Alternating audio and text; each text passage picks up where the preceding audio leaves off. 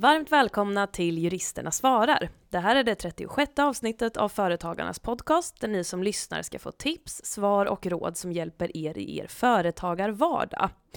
Kan ett avtal innebära att säljaren har exklusivitet trots att parterna inte har avtalat om det? Och hur tydlig måste hyresgästen vara när hen säger upp en lokal för villkorsändring?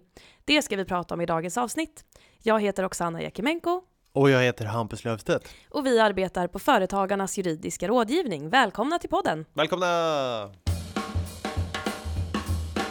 Idag är det en härlig dag för att det är ännu en gång dags för Case onsdag! Woo! Petra lägger på jubel! Yay! Ja men precis så, och det betyder att vi i dagens avsnitt ska prata om och analysera och dra slutsatser från två vägledande rättsfall. Exakt, och eh, den här gången så har vi valt rättsfall från Högsta domstolen. Ja men precis så, förra gången så pratade vi om rättsfall från Arbetsdomstolen, men Mm. denna case onsdag blir det från Högsta domstolen.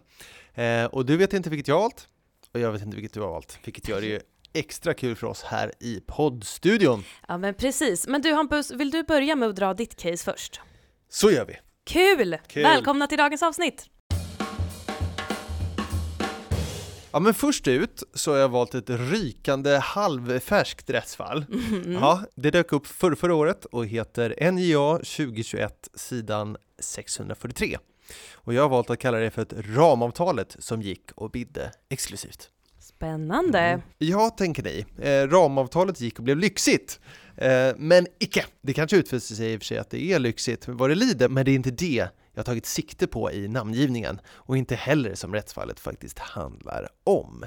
När vi jurister pratar om exklusivitet och som också rättsfallet handlar om så är det den exklusiva kontraktsrättsliga rätten att mer eller mindre ha ensamrätt till att till exempel vara underleverantör åt ett annat företag man menar. Det vill säga att någon annan inte får vara det helt enkelt. Det kan till exempel handla om att i ett kontrakt få rätten att vara den enda leverantören av skruvar till Hampus Bygg AB eller DYL.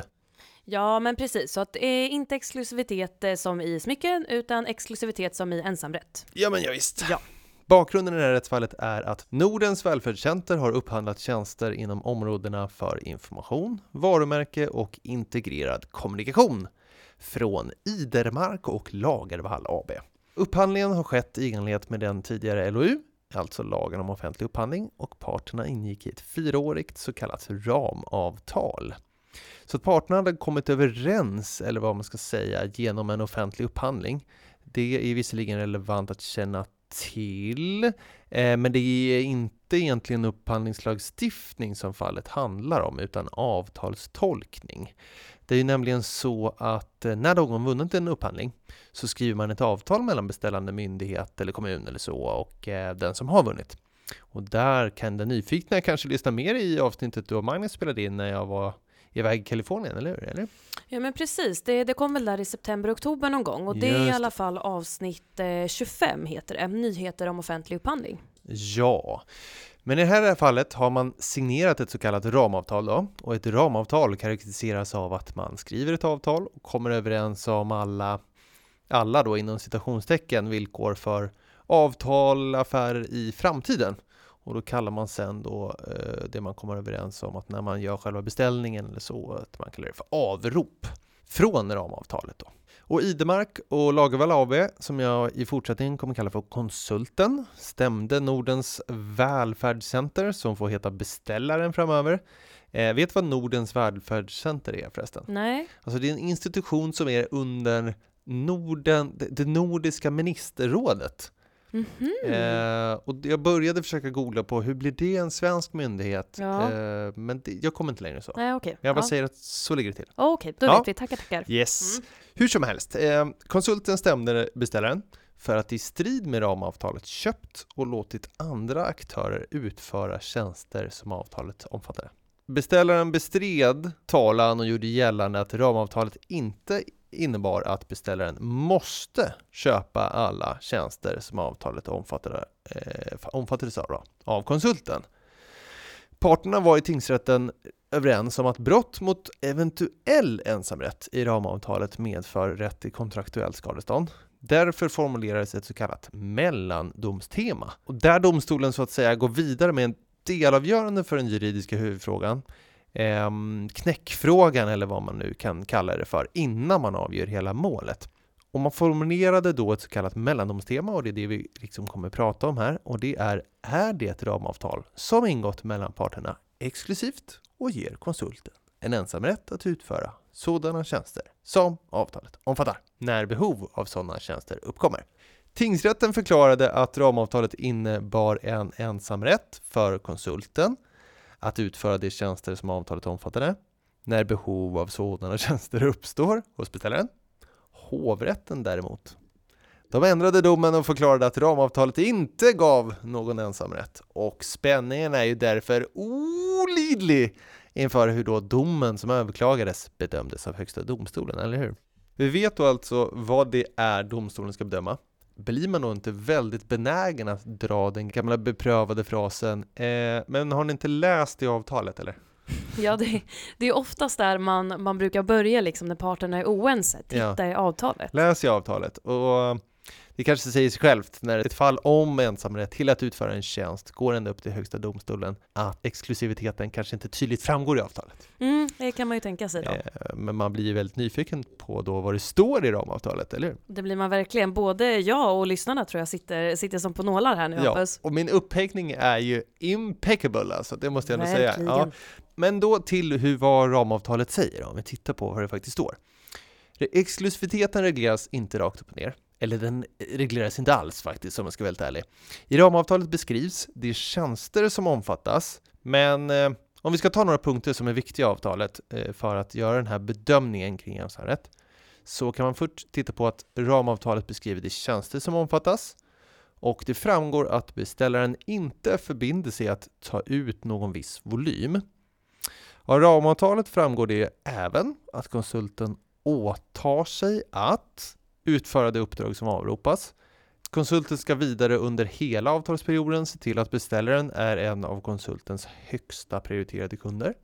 Konsulten måste se till att under hela avtalsperioden hålla sin leveranskapacitet intakt och tillförsäkra en stabil och långsiktig relation vad gäller priser och leveranser.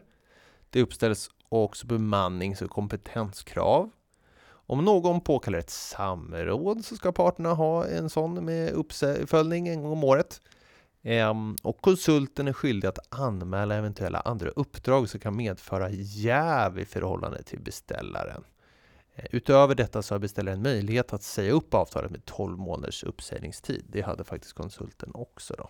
Mm, Okej, okay. eh, och jag tänker du som har tjuvläst rättsfallet här mm. innan eh, du berättade för, för oss här. Mm. Eh, kan du ringa in någonting som är extra viktigt att, att ha med sig liksom, när man gör den här bedömningen om exklusivitet? Ja, det viktiga att ha med sig som kommer göra det enklare att förstå hur HD resonerar, det är att det här med att avtalet reglerar att beställaren inte förbinder sig till viss volym, att konsulten ska utföra det som avropas, alltså inte kan tacka nej egentligen. Så de måste offerera på när det kommer avropsbefrågningar. Mm, mm. Och sen att beställaren ska tillhöra de högst prioriterade kunderna och sen att det ska hålla leveranskapacitet under hela avtalsperioden och sist men inte minst det här med att avtalet kan sägas upp med en uppsägningstid om 12 månader. Så att eh, de kan man ha lite extra i åtanke. Och då framförallt, ensamrätten är ju inte reglerad. Just det. Ja. Mm, mm. Eh, så, så de kan man ha i åtanke. Eh, men för att svara på frågan måste HD alltså tolka och eventuellt fylla ut avtalet. Och avtalstolkning i sig kan vi prata hela dagen om. Men kan vi kort nämna hur avtalstolkning ska ske just i fastställandet av innehåll i ramavtal som signerats av parterna efter en upphandling. Det börjar med att understryka att avtalssituationer kan vara sådana att det inte är relevant att titta på den gemensamma partsavsikten, vilket annars kanske hade varit dit vi först går för att tolka ett avtal där ordalydelsen inte ger en klar tolkning. I just fallet med avtal som skrivs efter upphandlingar så finns det ingen korrespondens mellan parterna. Man har inte suttit vid ett förhandlingsbord beträffande så här, mm, det är det här vi ska komma överens om.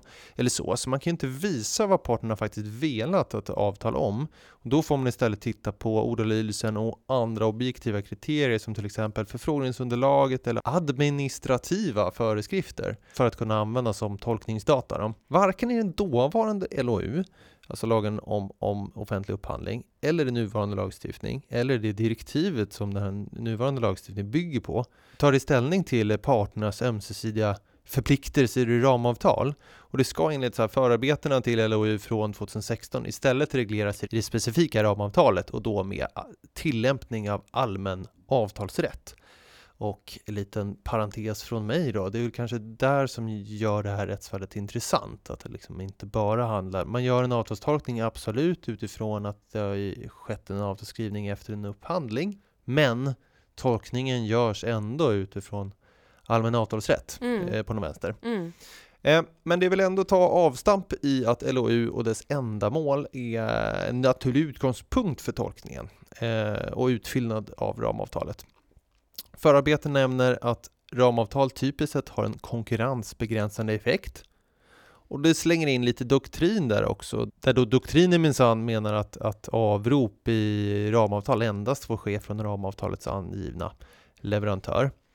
Eh, domstolen menar att tolkning i utföljande då får utgå från en helhetsbedömning av avtalet och syftet, men efter beaktande av dess upphandlingsrättsliga sammanhang. Så att det blir en liten eh, mix här av att inte ta hänsyn till upphandling, men ändå göra det. Tolkningen ska ju då naturligtvis samspela med, med avtalets struktur och sådär i övrigt då. Harmoniera tror jag domstolen skriver. Mm. Harmoniera till och med. Harmoniera, hur ofta använder du det också Anna? Nej. Och de ska då utgå från eh, att avtal ska fylla ut en förnuftig funktion och utgöra en rimlig reglering av parternas intressen. I sista hand ska generella principer användas för att fastställa avtalsinnehållet. Okej, då vet vi alltså hur vi ska tolka avtalet, men hur tolkar då HD avtalet? Mm, det är det vi, vi vill veta här och ja, nu. Ja, mm. exakt. Jo. Vad kommer då HD fram till beträffande om ramavtalet innebär en ensamrätt för konsulten? I den meningen att det kan utgöra ett avtalsbrott då om den här beställaren, den här Nordiska välfärdscentret, heter det så? Något eh, sånt. Mm, eh, köper sådana tjänster som avtalet omfattar från någon annan än konsulten. Ja, då konstateras det, och det var därför jag peggade för några specifika avtalsvillkor där när mm. vi pratade förut, att avtalet innebär långtgående åtaganden från konsulten. Det ska vara förberedda på att ge offert eh, på alla uppdrag som beställaren avropar. Eh, det liksom måste tacka ja när det kommer avrop eller vad man ska säga. Det måste alltså vara standby. De ska på så sätt hålla sin leveranskapacitet intakt under hela avtalsperioden och tillförsäkra beställaren en stabil och långsiktig relation vad gäller priser och leveranser. Sen kommer ni ihåg det här med att beställaren också skulle tillhöra konsultens högsta prioriterade kunder. Just det. Det är ett långtgående åtagande. Där tar domstolen eh, avstamp.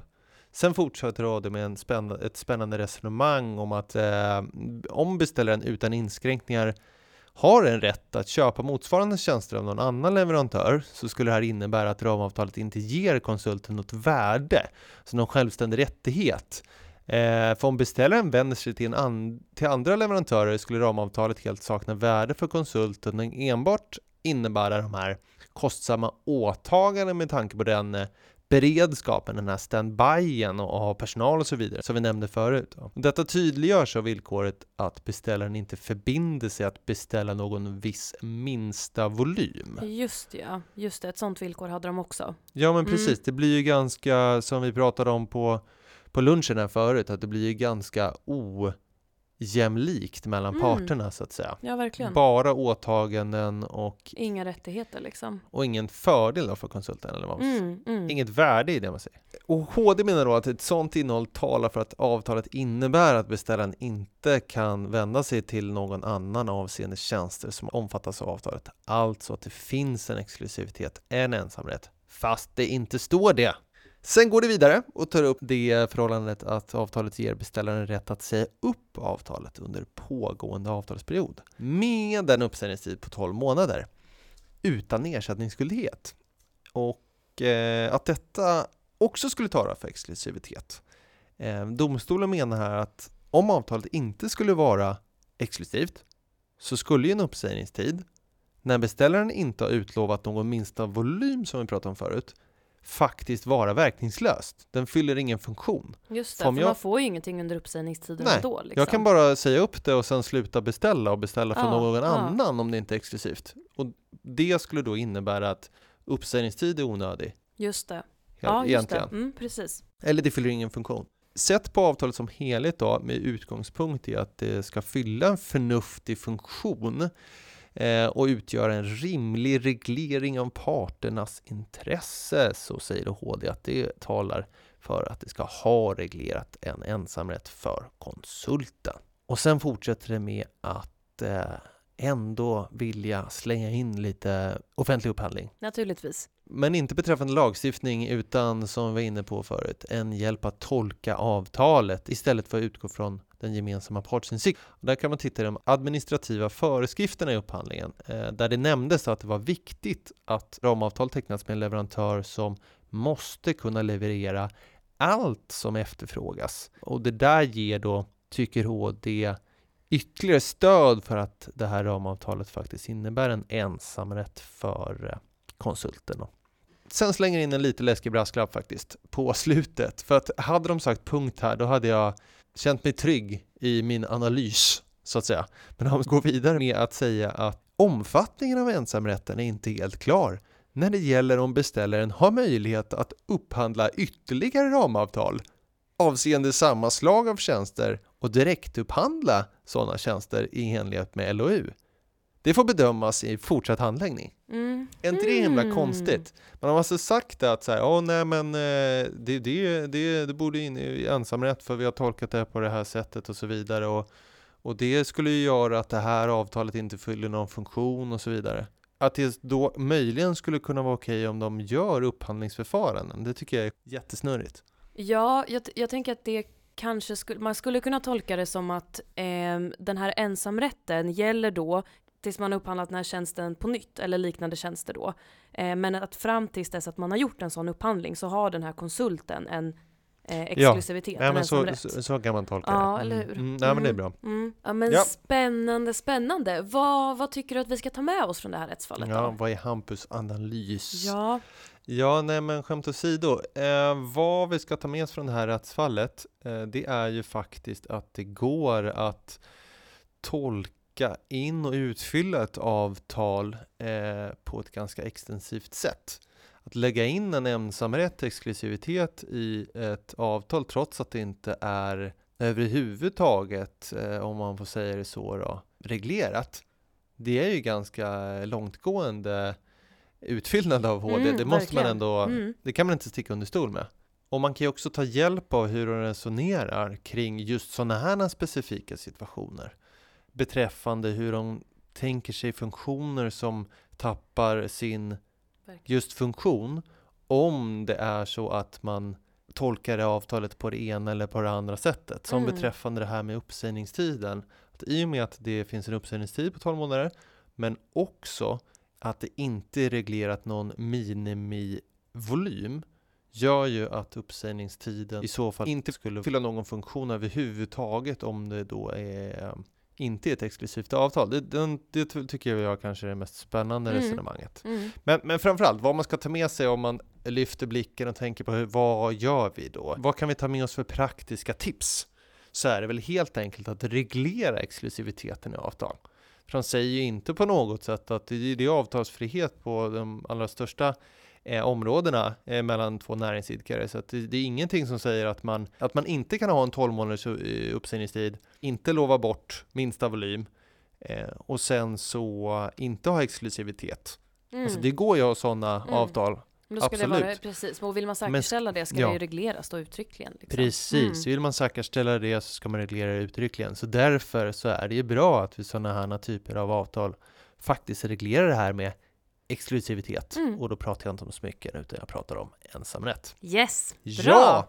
Med det sagt så blir jag ju oerhört intresserad av vad du har valt för rättsfall Oksana. Det ska du få höra nu.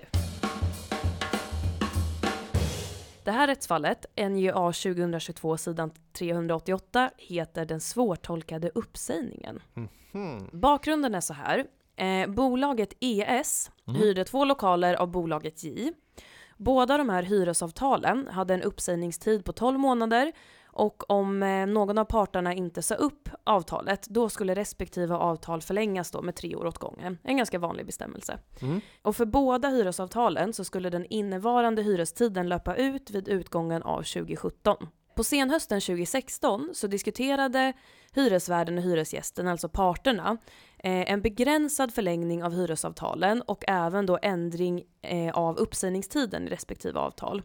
Och här tog hyresvärden fram två utkast på nya hyresavtal eh, i vilka då hyrestiden skulle förlängas till utgången av februari 2018 istället då för att upphöra vid utgången 2017. Men de här dokumenten undertecknades aldrig av vare sig hyresvärden eller hyresgästen. Och eh, den 30 december 2016, alltså ungefär ett år innan avtalen skulle löpa ut, då skickade hyresgästen en handling som var betecknad uppsägning av hyreskontrakt till hyresvärden.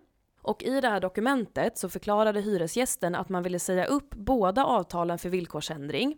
Men de uppgav också följande, och nu läser jag direkt från domen här. Mm. Så här stod det alltså i upp- uppsägningshandlingen. För att förlängning av hyreskontrakten ska komma till stånd ska hyreskontrakten ändras enligt nedan. 1.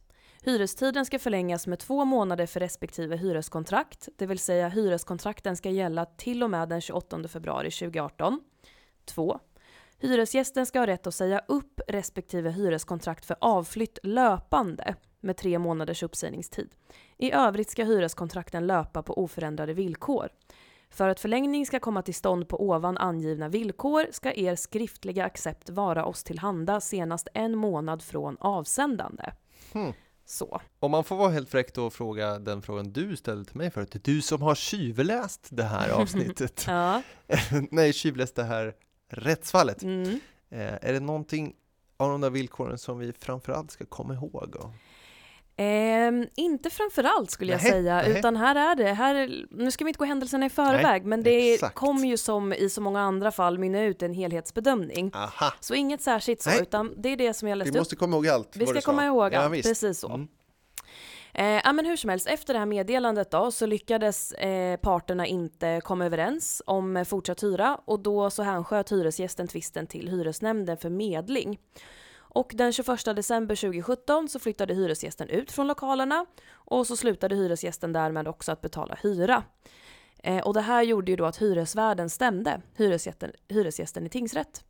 För att hyresvärden ansåg att den här uppsägningshandlingen som man hade fått, eh, att den hade varit så otydlig att den inte uppfyllde formkraven för villkorsändringsuppsägning Mhm. enligt jordabalkens regler. Och därmed skulle den då betraktas som ogiltig och därmed skulle hyreskontrakten eh, helt enkelt löpa på. Så att när hyresgästen slutade betala hyra här i december 2017, då ansåg hyresvärden att hyresgästen hade brutit mot hyresavtalen.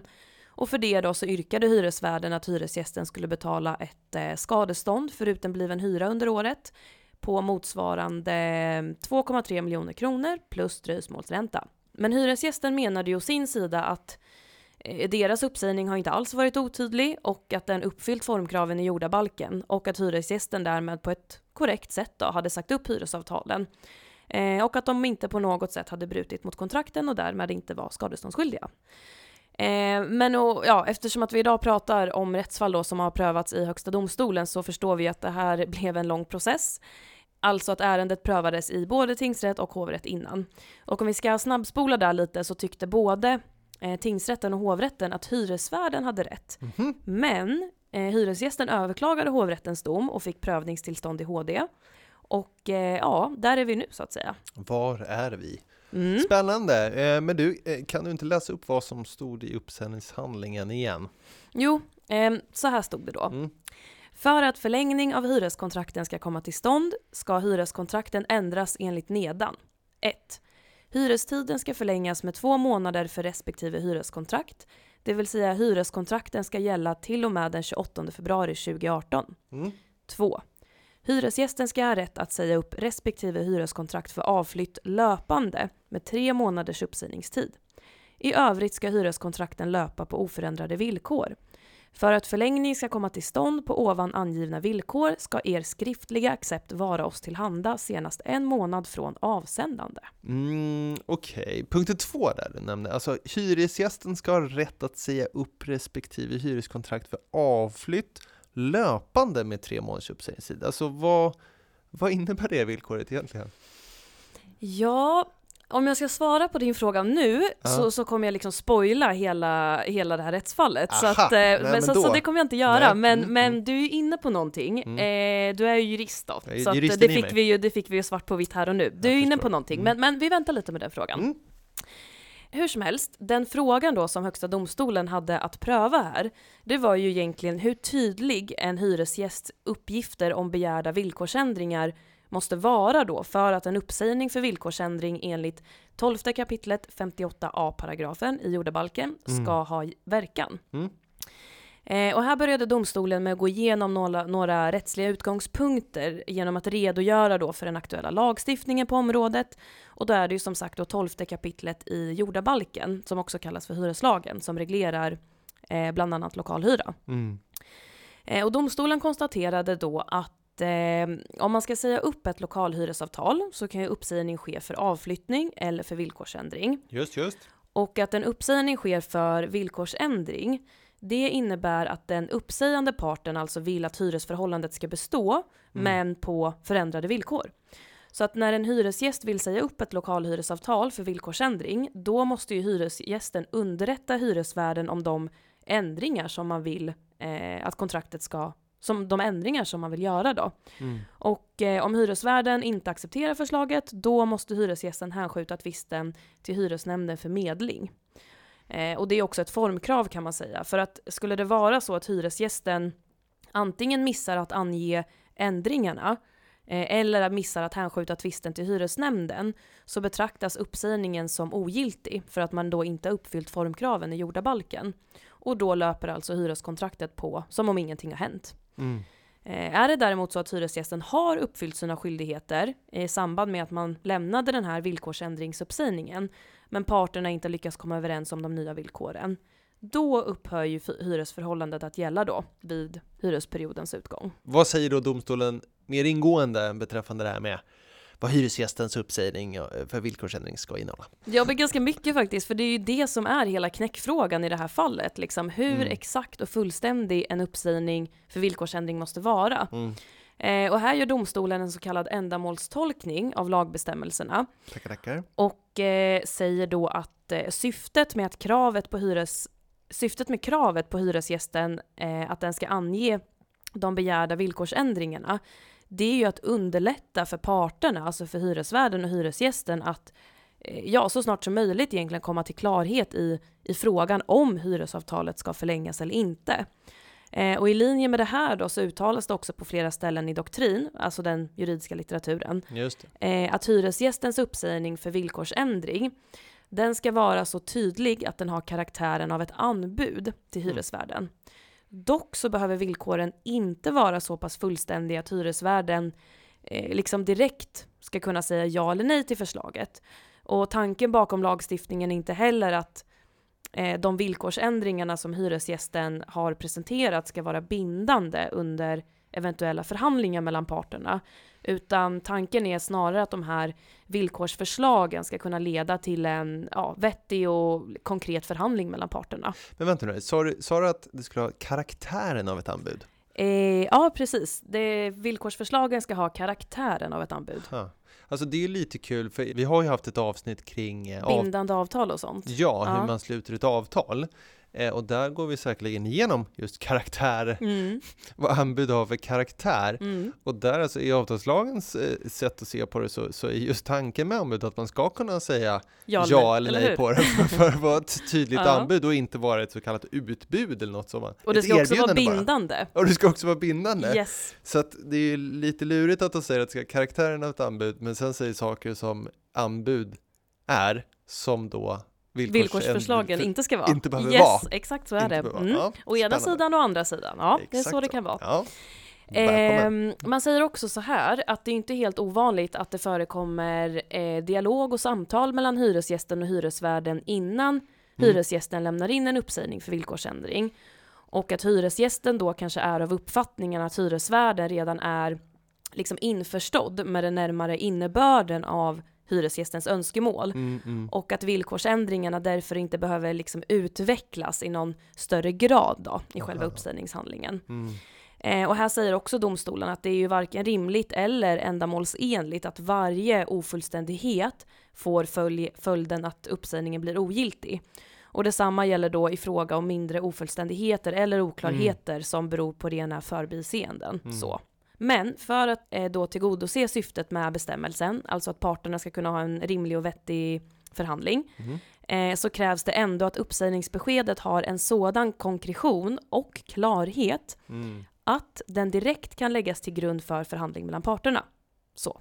Aha, så läs ett anbud som inte ett anbud, men som ändå kan ligga till grund för förhandling av ett anbud. Ja. Mm. Eh, men hyresgästen, det här ska inte heller förstås som att hyresgästen är skyldig att presentera ett heltäckande avtalsförslag. Nej. Men liksom kontentan är väl att hyresvärden måste ges en tydlig bild av huvuddragen Mm. i det ändrade hyresavtalet som hyresgästen vill få till då. Mm. Hyresgästen måste särskilt precisera sina ståndpunkter i vissa frågor som är av väsentlig betydelse för Mm. Hyresförhållandet. Mm. Och det gäller ju då till exempelvis hyresperiod eller hyresnivå. Mm. Eh, sen kan det också finnas andra frågor då som är av väsentlig betydelse. Och där är det som sagt extra viktigt att hyresvärden ges tydliga besked om hur eh, hyresgästen vill att hyresavtalet ska ändras. Mm.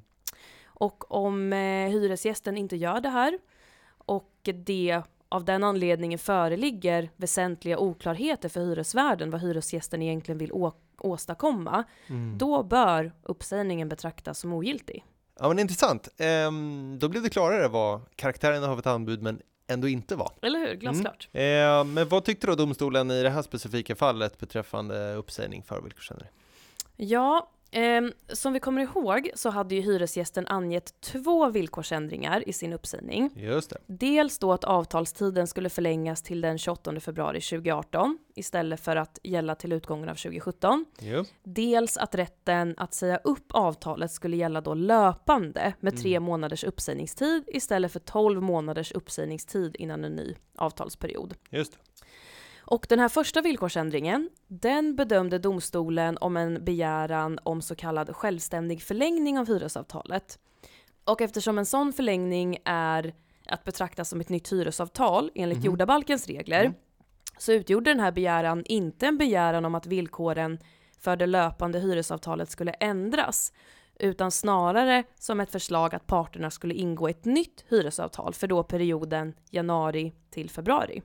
Eh, enligt HD då så finns det ju för sig inga hinder mot att framställa ett sånt här önskemål i samband med en villkorsändring förutsatt att det är tydligt hur ön- önskemålet förhåller sig till begäran om villkorsändring. Mm. Och i det här specifika fallet så ansåg faktiskt HD att eh, begäran, den här begäran om självständig förlängning Mm. fick betydelse för hur begäran om villkorsändringen skulle tolkas. Mm. Alltså eh, önskemål 1 fick eh, betydelse för hur önskemål 2 skulle förstås.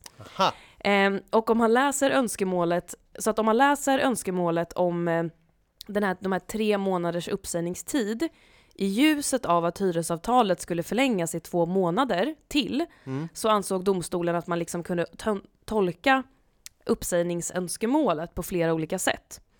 Eh, och då säger domstolen så här att det skulle då kunna tolkas som att den önskade uppsägningstiden på tre månader skulle gälla då när uppsägning måste ske för att den nya hyrestiden om två månader inte skulle förlängas. Mm. Det kan också tolkas som att den angivna uppsägningstiden skulle hänföras till den fortsatta hyrestiden som då skulle löpa efter den 28 februari 2018. Aha. Och en tredje tolkning, det skulle då kunna vara att hyresgästen menade att framtida hyresperioder, frånsett perioden januari-februari 2018, Mm. skulle vara lika lång som tidigare, det vill säga tre år. Mm.